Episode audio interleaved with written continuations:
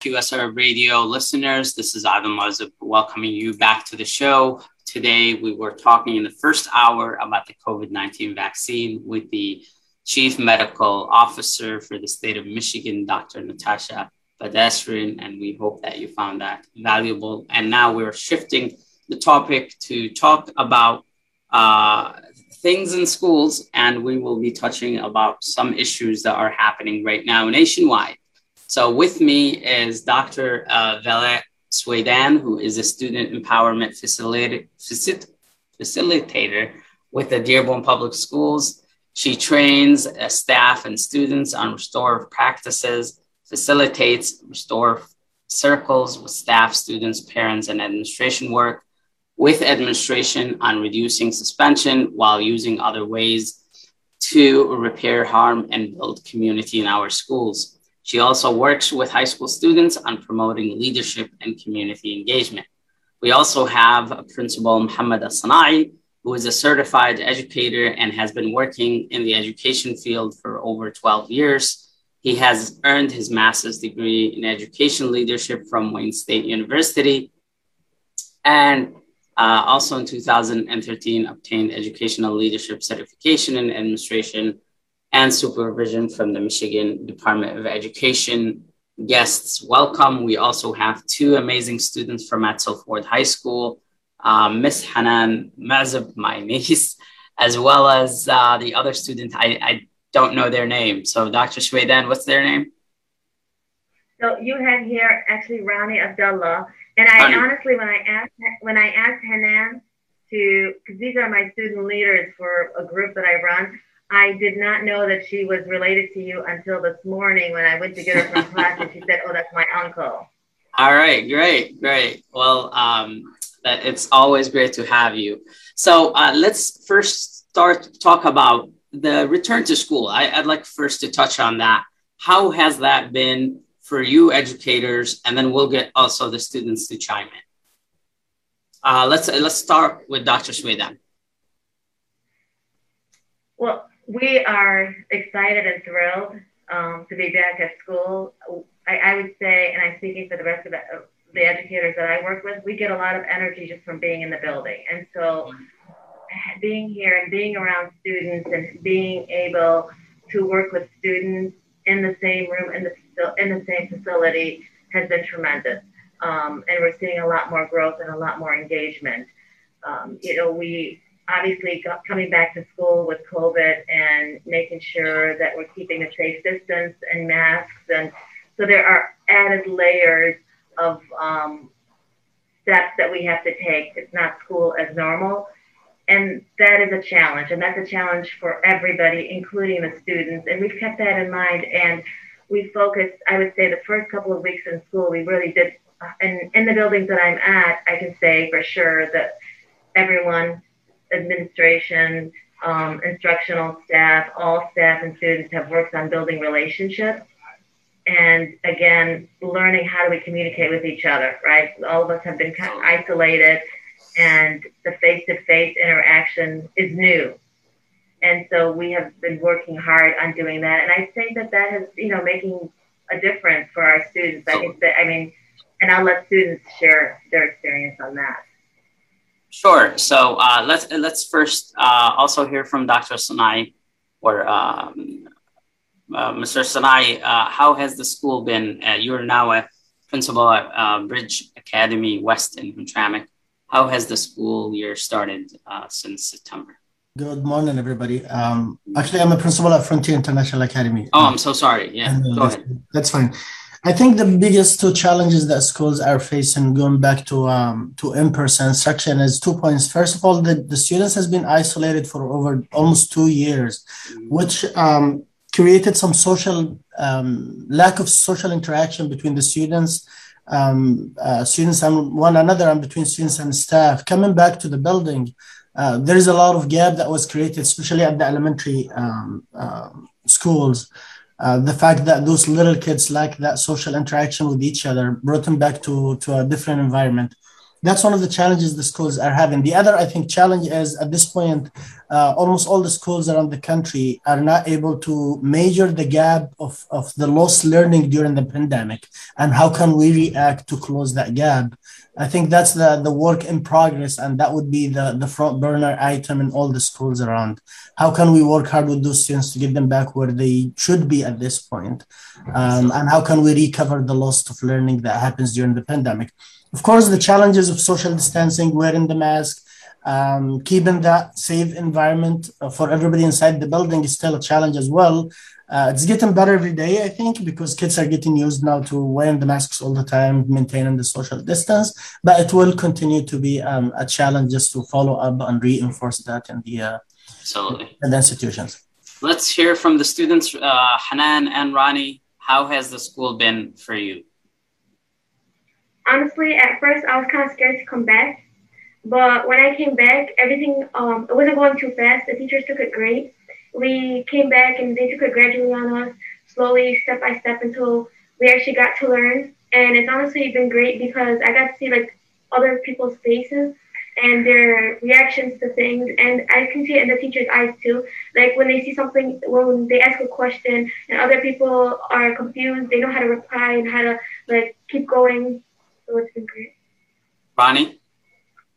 Yeah, I think uh, uh, similar to what Swaidan said, um, a lot of students were really excited to come back. I know Dearborn Public Schools actually offered them to stay uh, online or come back to school, and most students chose to come back.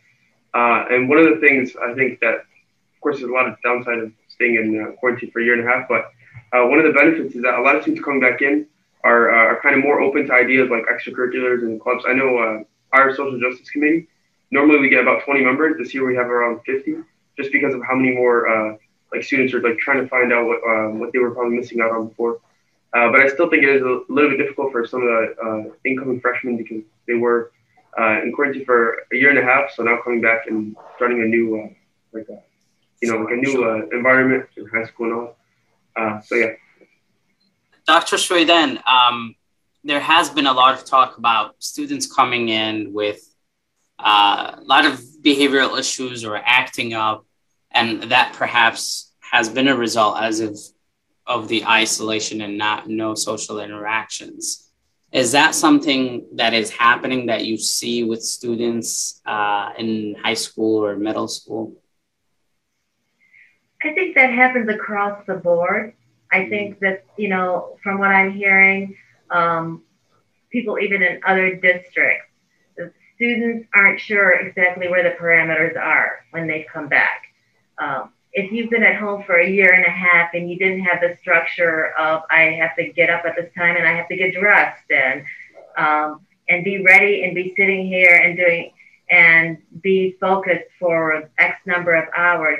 Although it was online learning, it was unstructured for many of the students. And many of the students said that they, you know, oftentimes were learning sitting in their bed, you know, um, or sometimes they would get up and go somewhere and do something and then come back to their screen.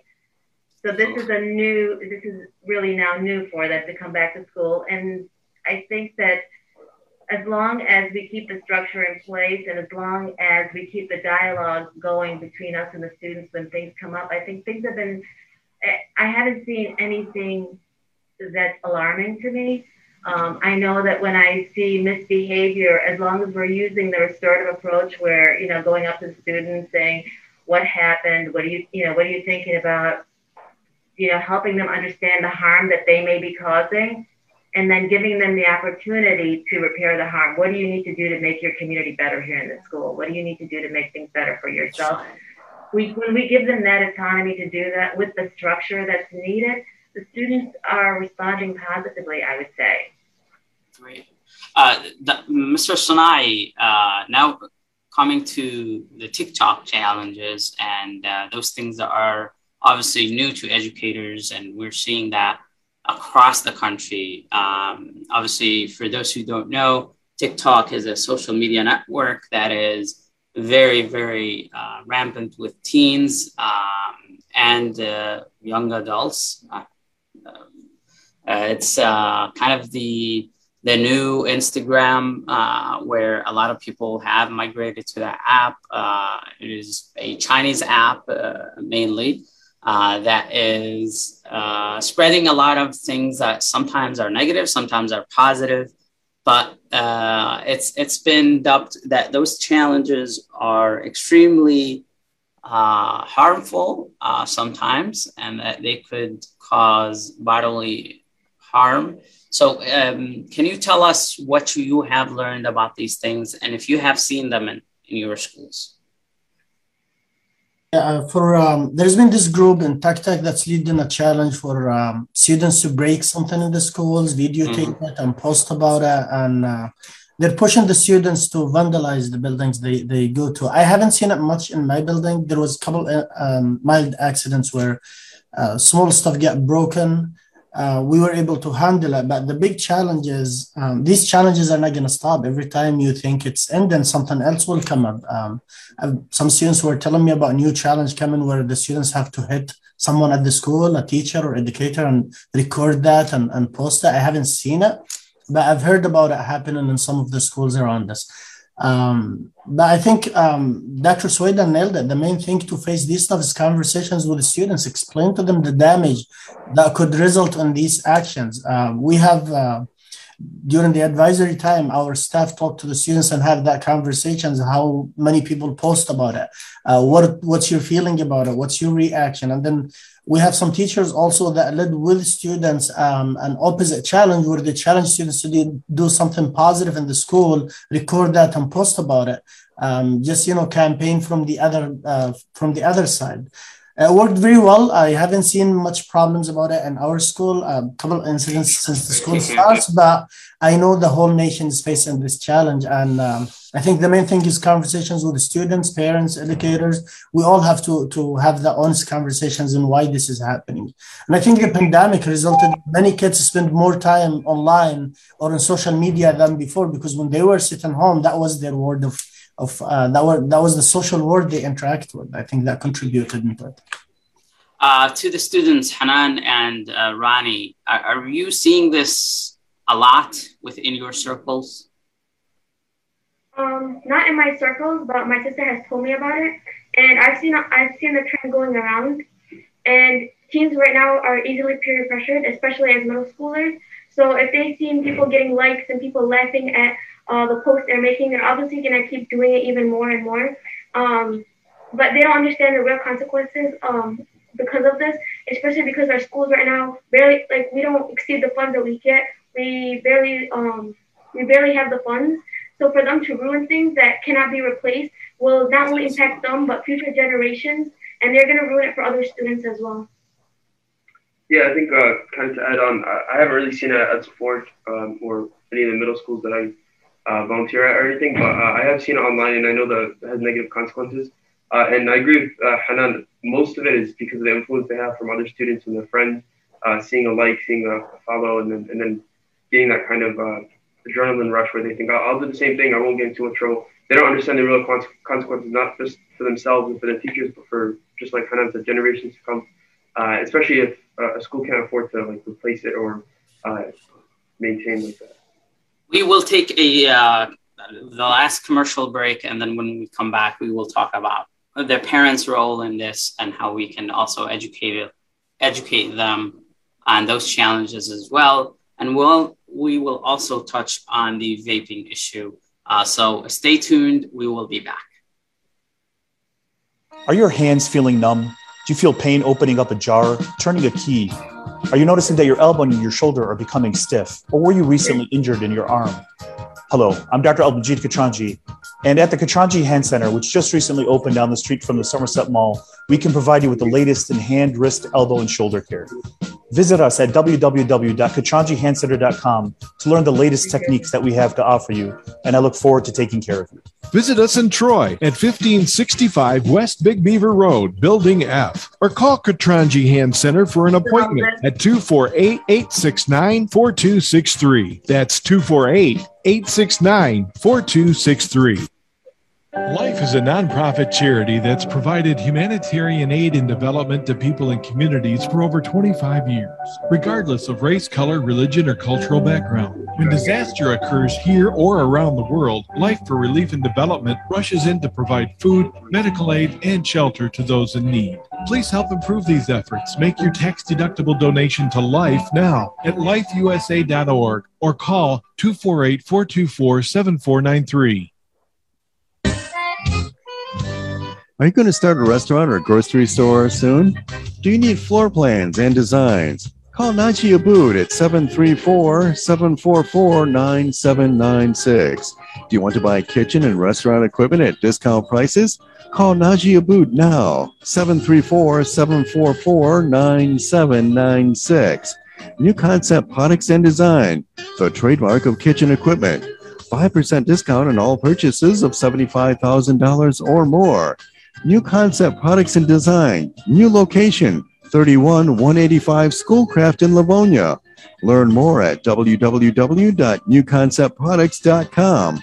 Call Najee Abood 734 744 9796.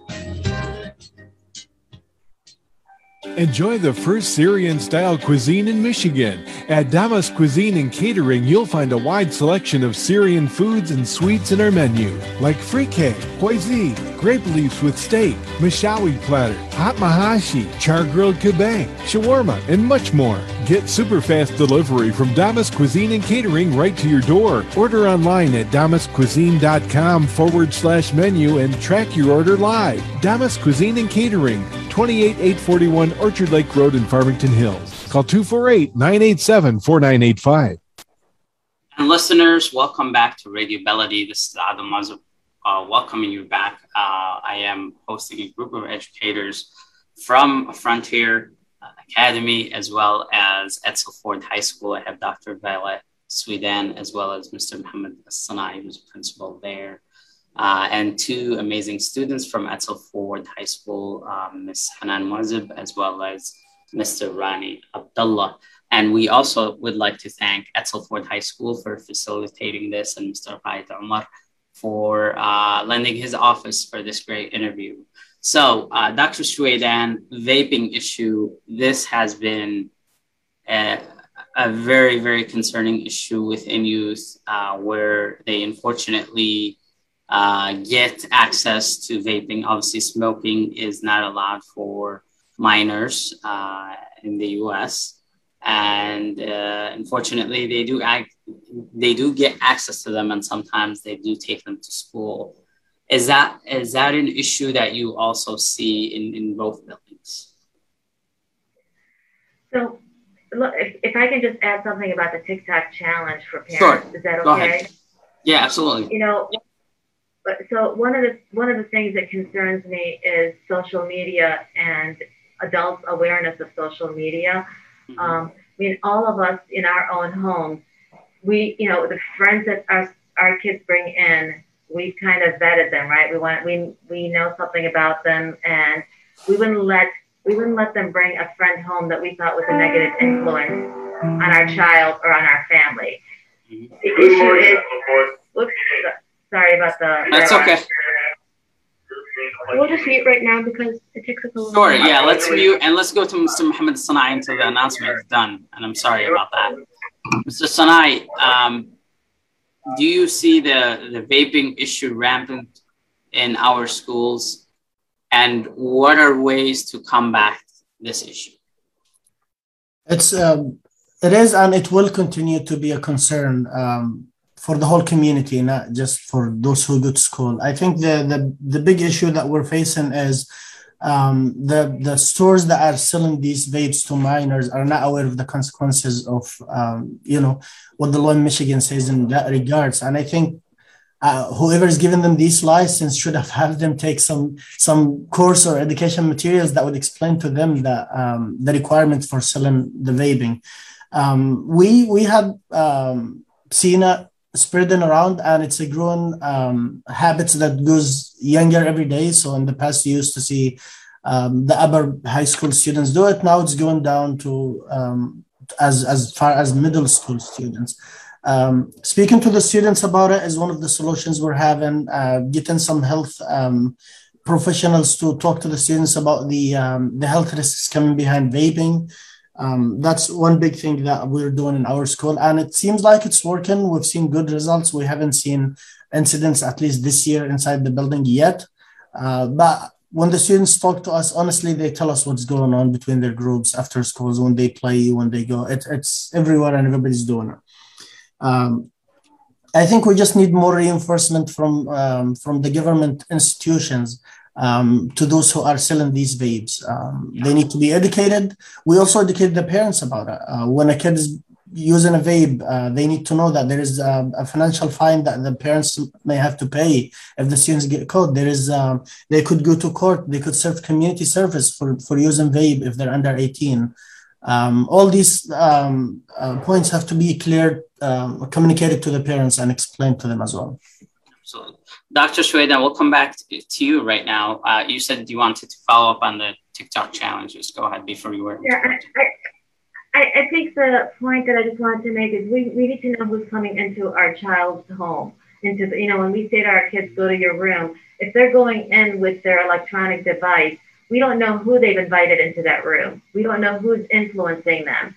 Um, so there are people that were that are coming into our home that we're not aware of, and that's what happens when we when our kids are able to go on social media without our knowledge.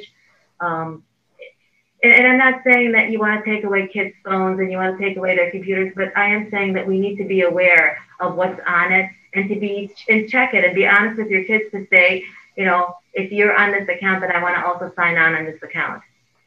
And have conversations with them, have open, honest conversations so that when they see something, if I'm having a conversation with my kid, then they know the right and wrong of it. What are the implications of watching this? Who's affected by this? What influence does this have on you? And so it would be an adult who's talking to them because, about rights and wrongs because their brain isn't developed. And we know that the brain isn't developed until you're in your early 20s. We, so all of us should expect that our kids are going to lie to us. That's normal. That's absolutely natural. They're not bad. It's just how the brain is formed at this point. They're not going to come up and tell us, you know, they're going to be impulsive. They're going to do things, um, you know, that we may disagree of. And some of the research that I was part of um, back then at U of M, we were looking at what are the influences on teenagers. And there are two things that seem to come up every time people do this research. One, in, in the, for the teenagers, one is parental monitoring plays a role. You know, do we know what our kids are doing? Do, do we know where they're at? Do we know who they're interacting with? And the other big part are peers, their peer groups. So you can have the best parents in the world who are on top of their kids, but if they're with a peer group that's influencing them in a negative way, they may go that way. So those two are major influences in our kids' lives, and for us to be aware of that and to have a say in that, I think is really vital. And then in terms of vaping, I'm sorry, go ahead. Yeah, yeah, but that's what I wanted to get your perspective on. Go ahead. I mean, there's, I, I, it's another one of those where conversation with youth is going to be the most important route to take with it it's out there. I don't think youth, you know, for those who are engaged in it, it's again the peer influence, the social media influence, like this is cool, this is fun, look what I'm doing. But what happens with vaping is it starts off as I'm just doing it to hang out with my friends, or I'm just doing it because this is a cool thing. It is addictive. There's addiction involved, and addiction is real. And at this age, when when we're addicted, it's much harder um, this is why some of the research that's done on addiction in the early years when someone starts drinking, vaping, marijuana use, we, we change the structure of our brain so that when you decide that this isn't working for me anymore and my life is negatively impacted, it becomes much more difficult to get off Absolutely. of it. So, I'd like to get the students' perspective on peer pressure um, how as student leaders on uh, in your school how do you set a good example and kind of combat the negative peer pressure so basically as Ms. Wayan said talking to them is like the best effect because vapes are everywhere and they're easy accessible as we've seen that peer pressure um we is a lot, and we can see it in high schools too. And I've heard even in middle school, people have decided to do vape, which is crazy. But um, to be honest, just to talk to them and let them know the effects of their body and how fast it can it can come in the system and how fast addicting it is. And I, I believe some of the parents don't even know they're doing this. So just to like check up on them, let them know that these things are not good. Yeah, yeah um, similar to what both of them have said. Uh, I guess it's just uh, peer pressure does play a big role in it, but I think um, most students aren't really aware of what it's doing to their bodies, what like the effects it's going to have long term, short term, uh, the, the, addictiveness to it, nicotine, and all that. Uh, most of them just think it's just a short term thing. Maybe it is just to look cool. Maybe it is just to hang out with friends. Uh, but a big part of it is just uh, has to, of course parents play a big role in it, and, and so they have to be more aware of what, what their children are doing, and then kind of informing them about the effect it's going to have and like the, uh, how it looks. Just you know, general. We we thank you, uh, Hanan and Rani, for for participating in this panel. Uh, it research has shown over and over again that the more engaged parents are, the more successful their children will be. So I, on this platform and other platforms, I always advocate for more parental engagement, for more um, getting involved in, in your kids' lives and, and participating and letting them know that you are their friend more than their, their parents is very crucial. Um, once again, I truly, truly thank you for coming on this program. This program will be rerunning today on the radio from 5 p.m. to 6 p.m. on WNZK uh, in uh, Southeast Michigan. It will also rerun in Washington, Virginia, Maryland on 700 a.m. Uh, and also on the Facebook page for US Web Radio, and it will be also readily available on the YouTube channel Mr. Muhammad Sanai, principal of Frontier Academy, as well as uh, Dr. Violet Swaidan, who is a student empowerment facilitator with Dearborn Public Schools and Edsel Ford students, Rani Abdullah and Hanan Mazib. Thank you so much for being with us today. I truly appreciate you. Thank you for having us. Thank you. Thank you, everyone. Have a good day.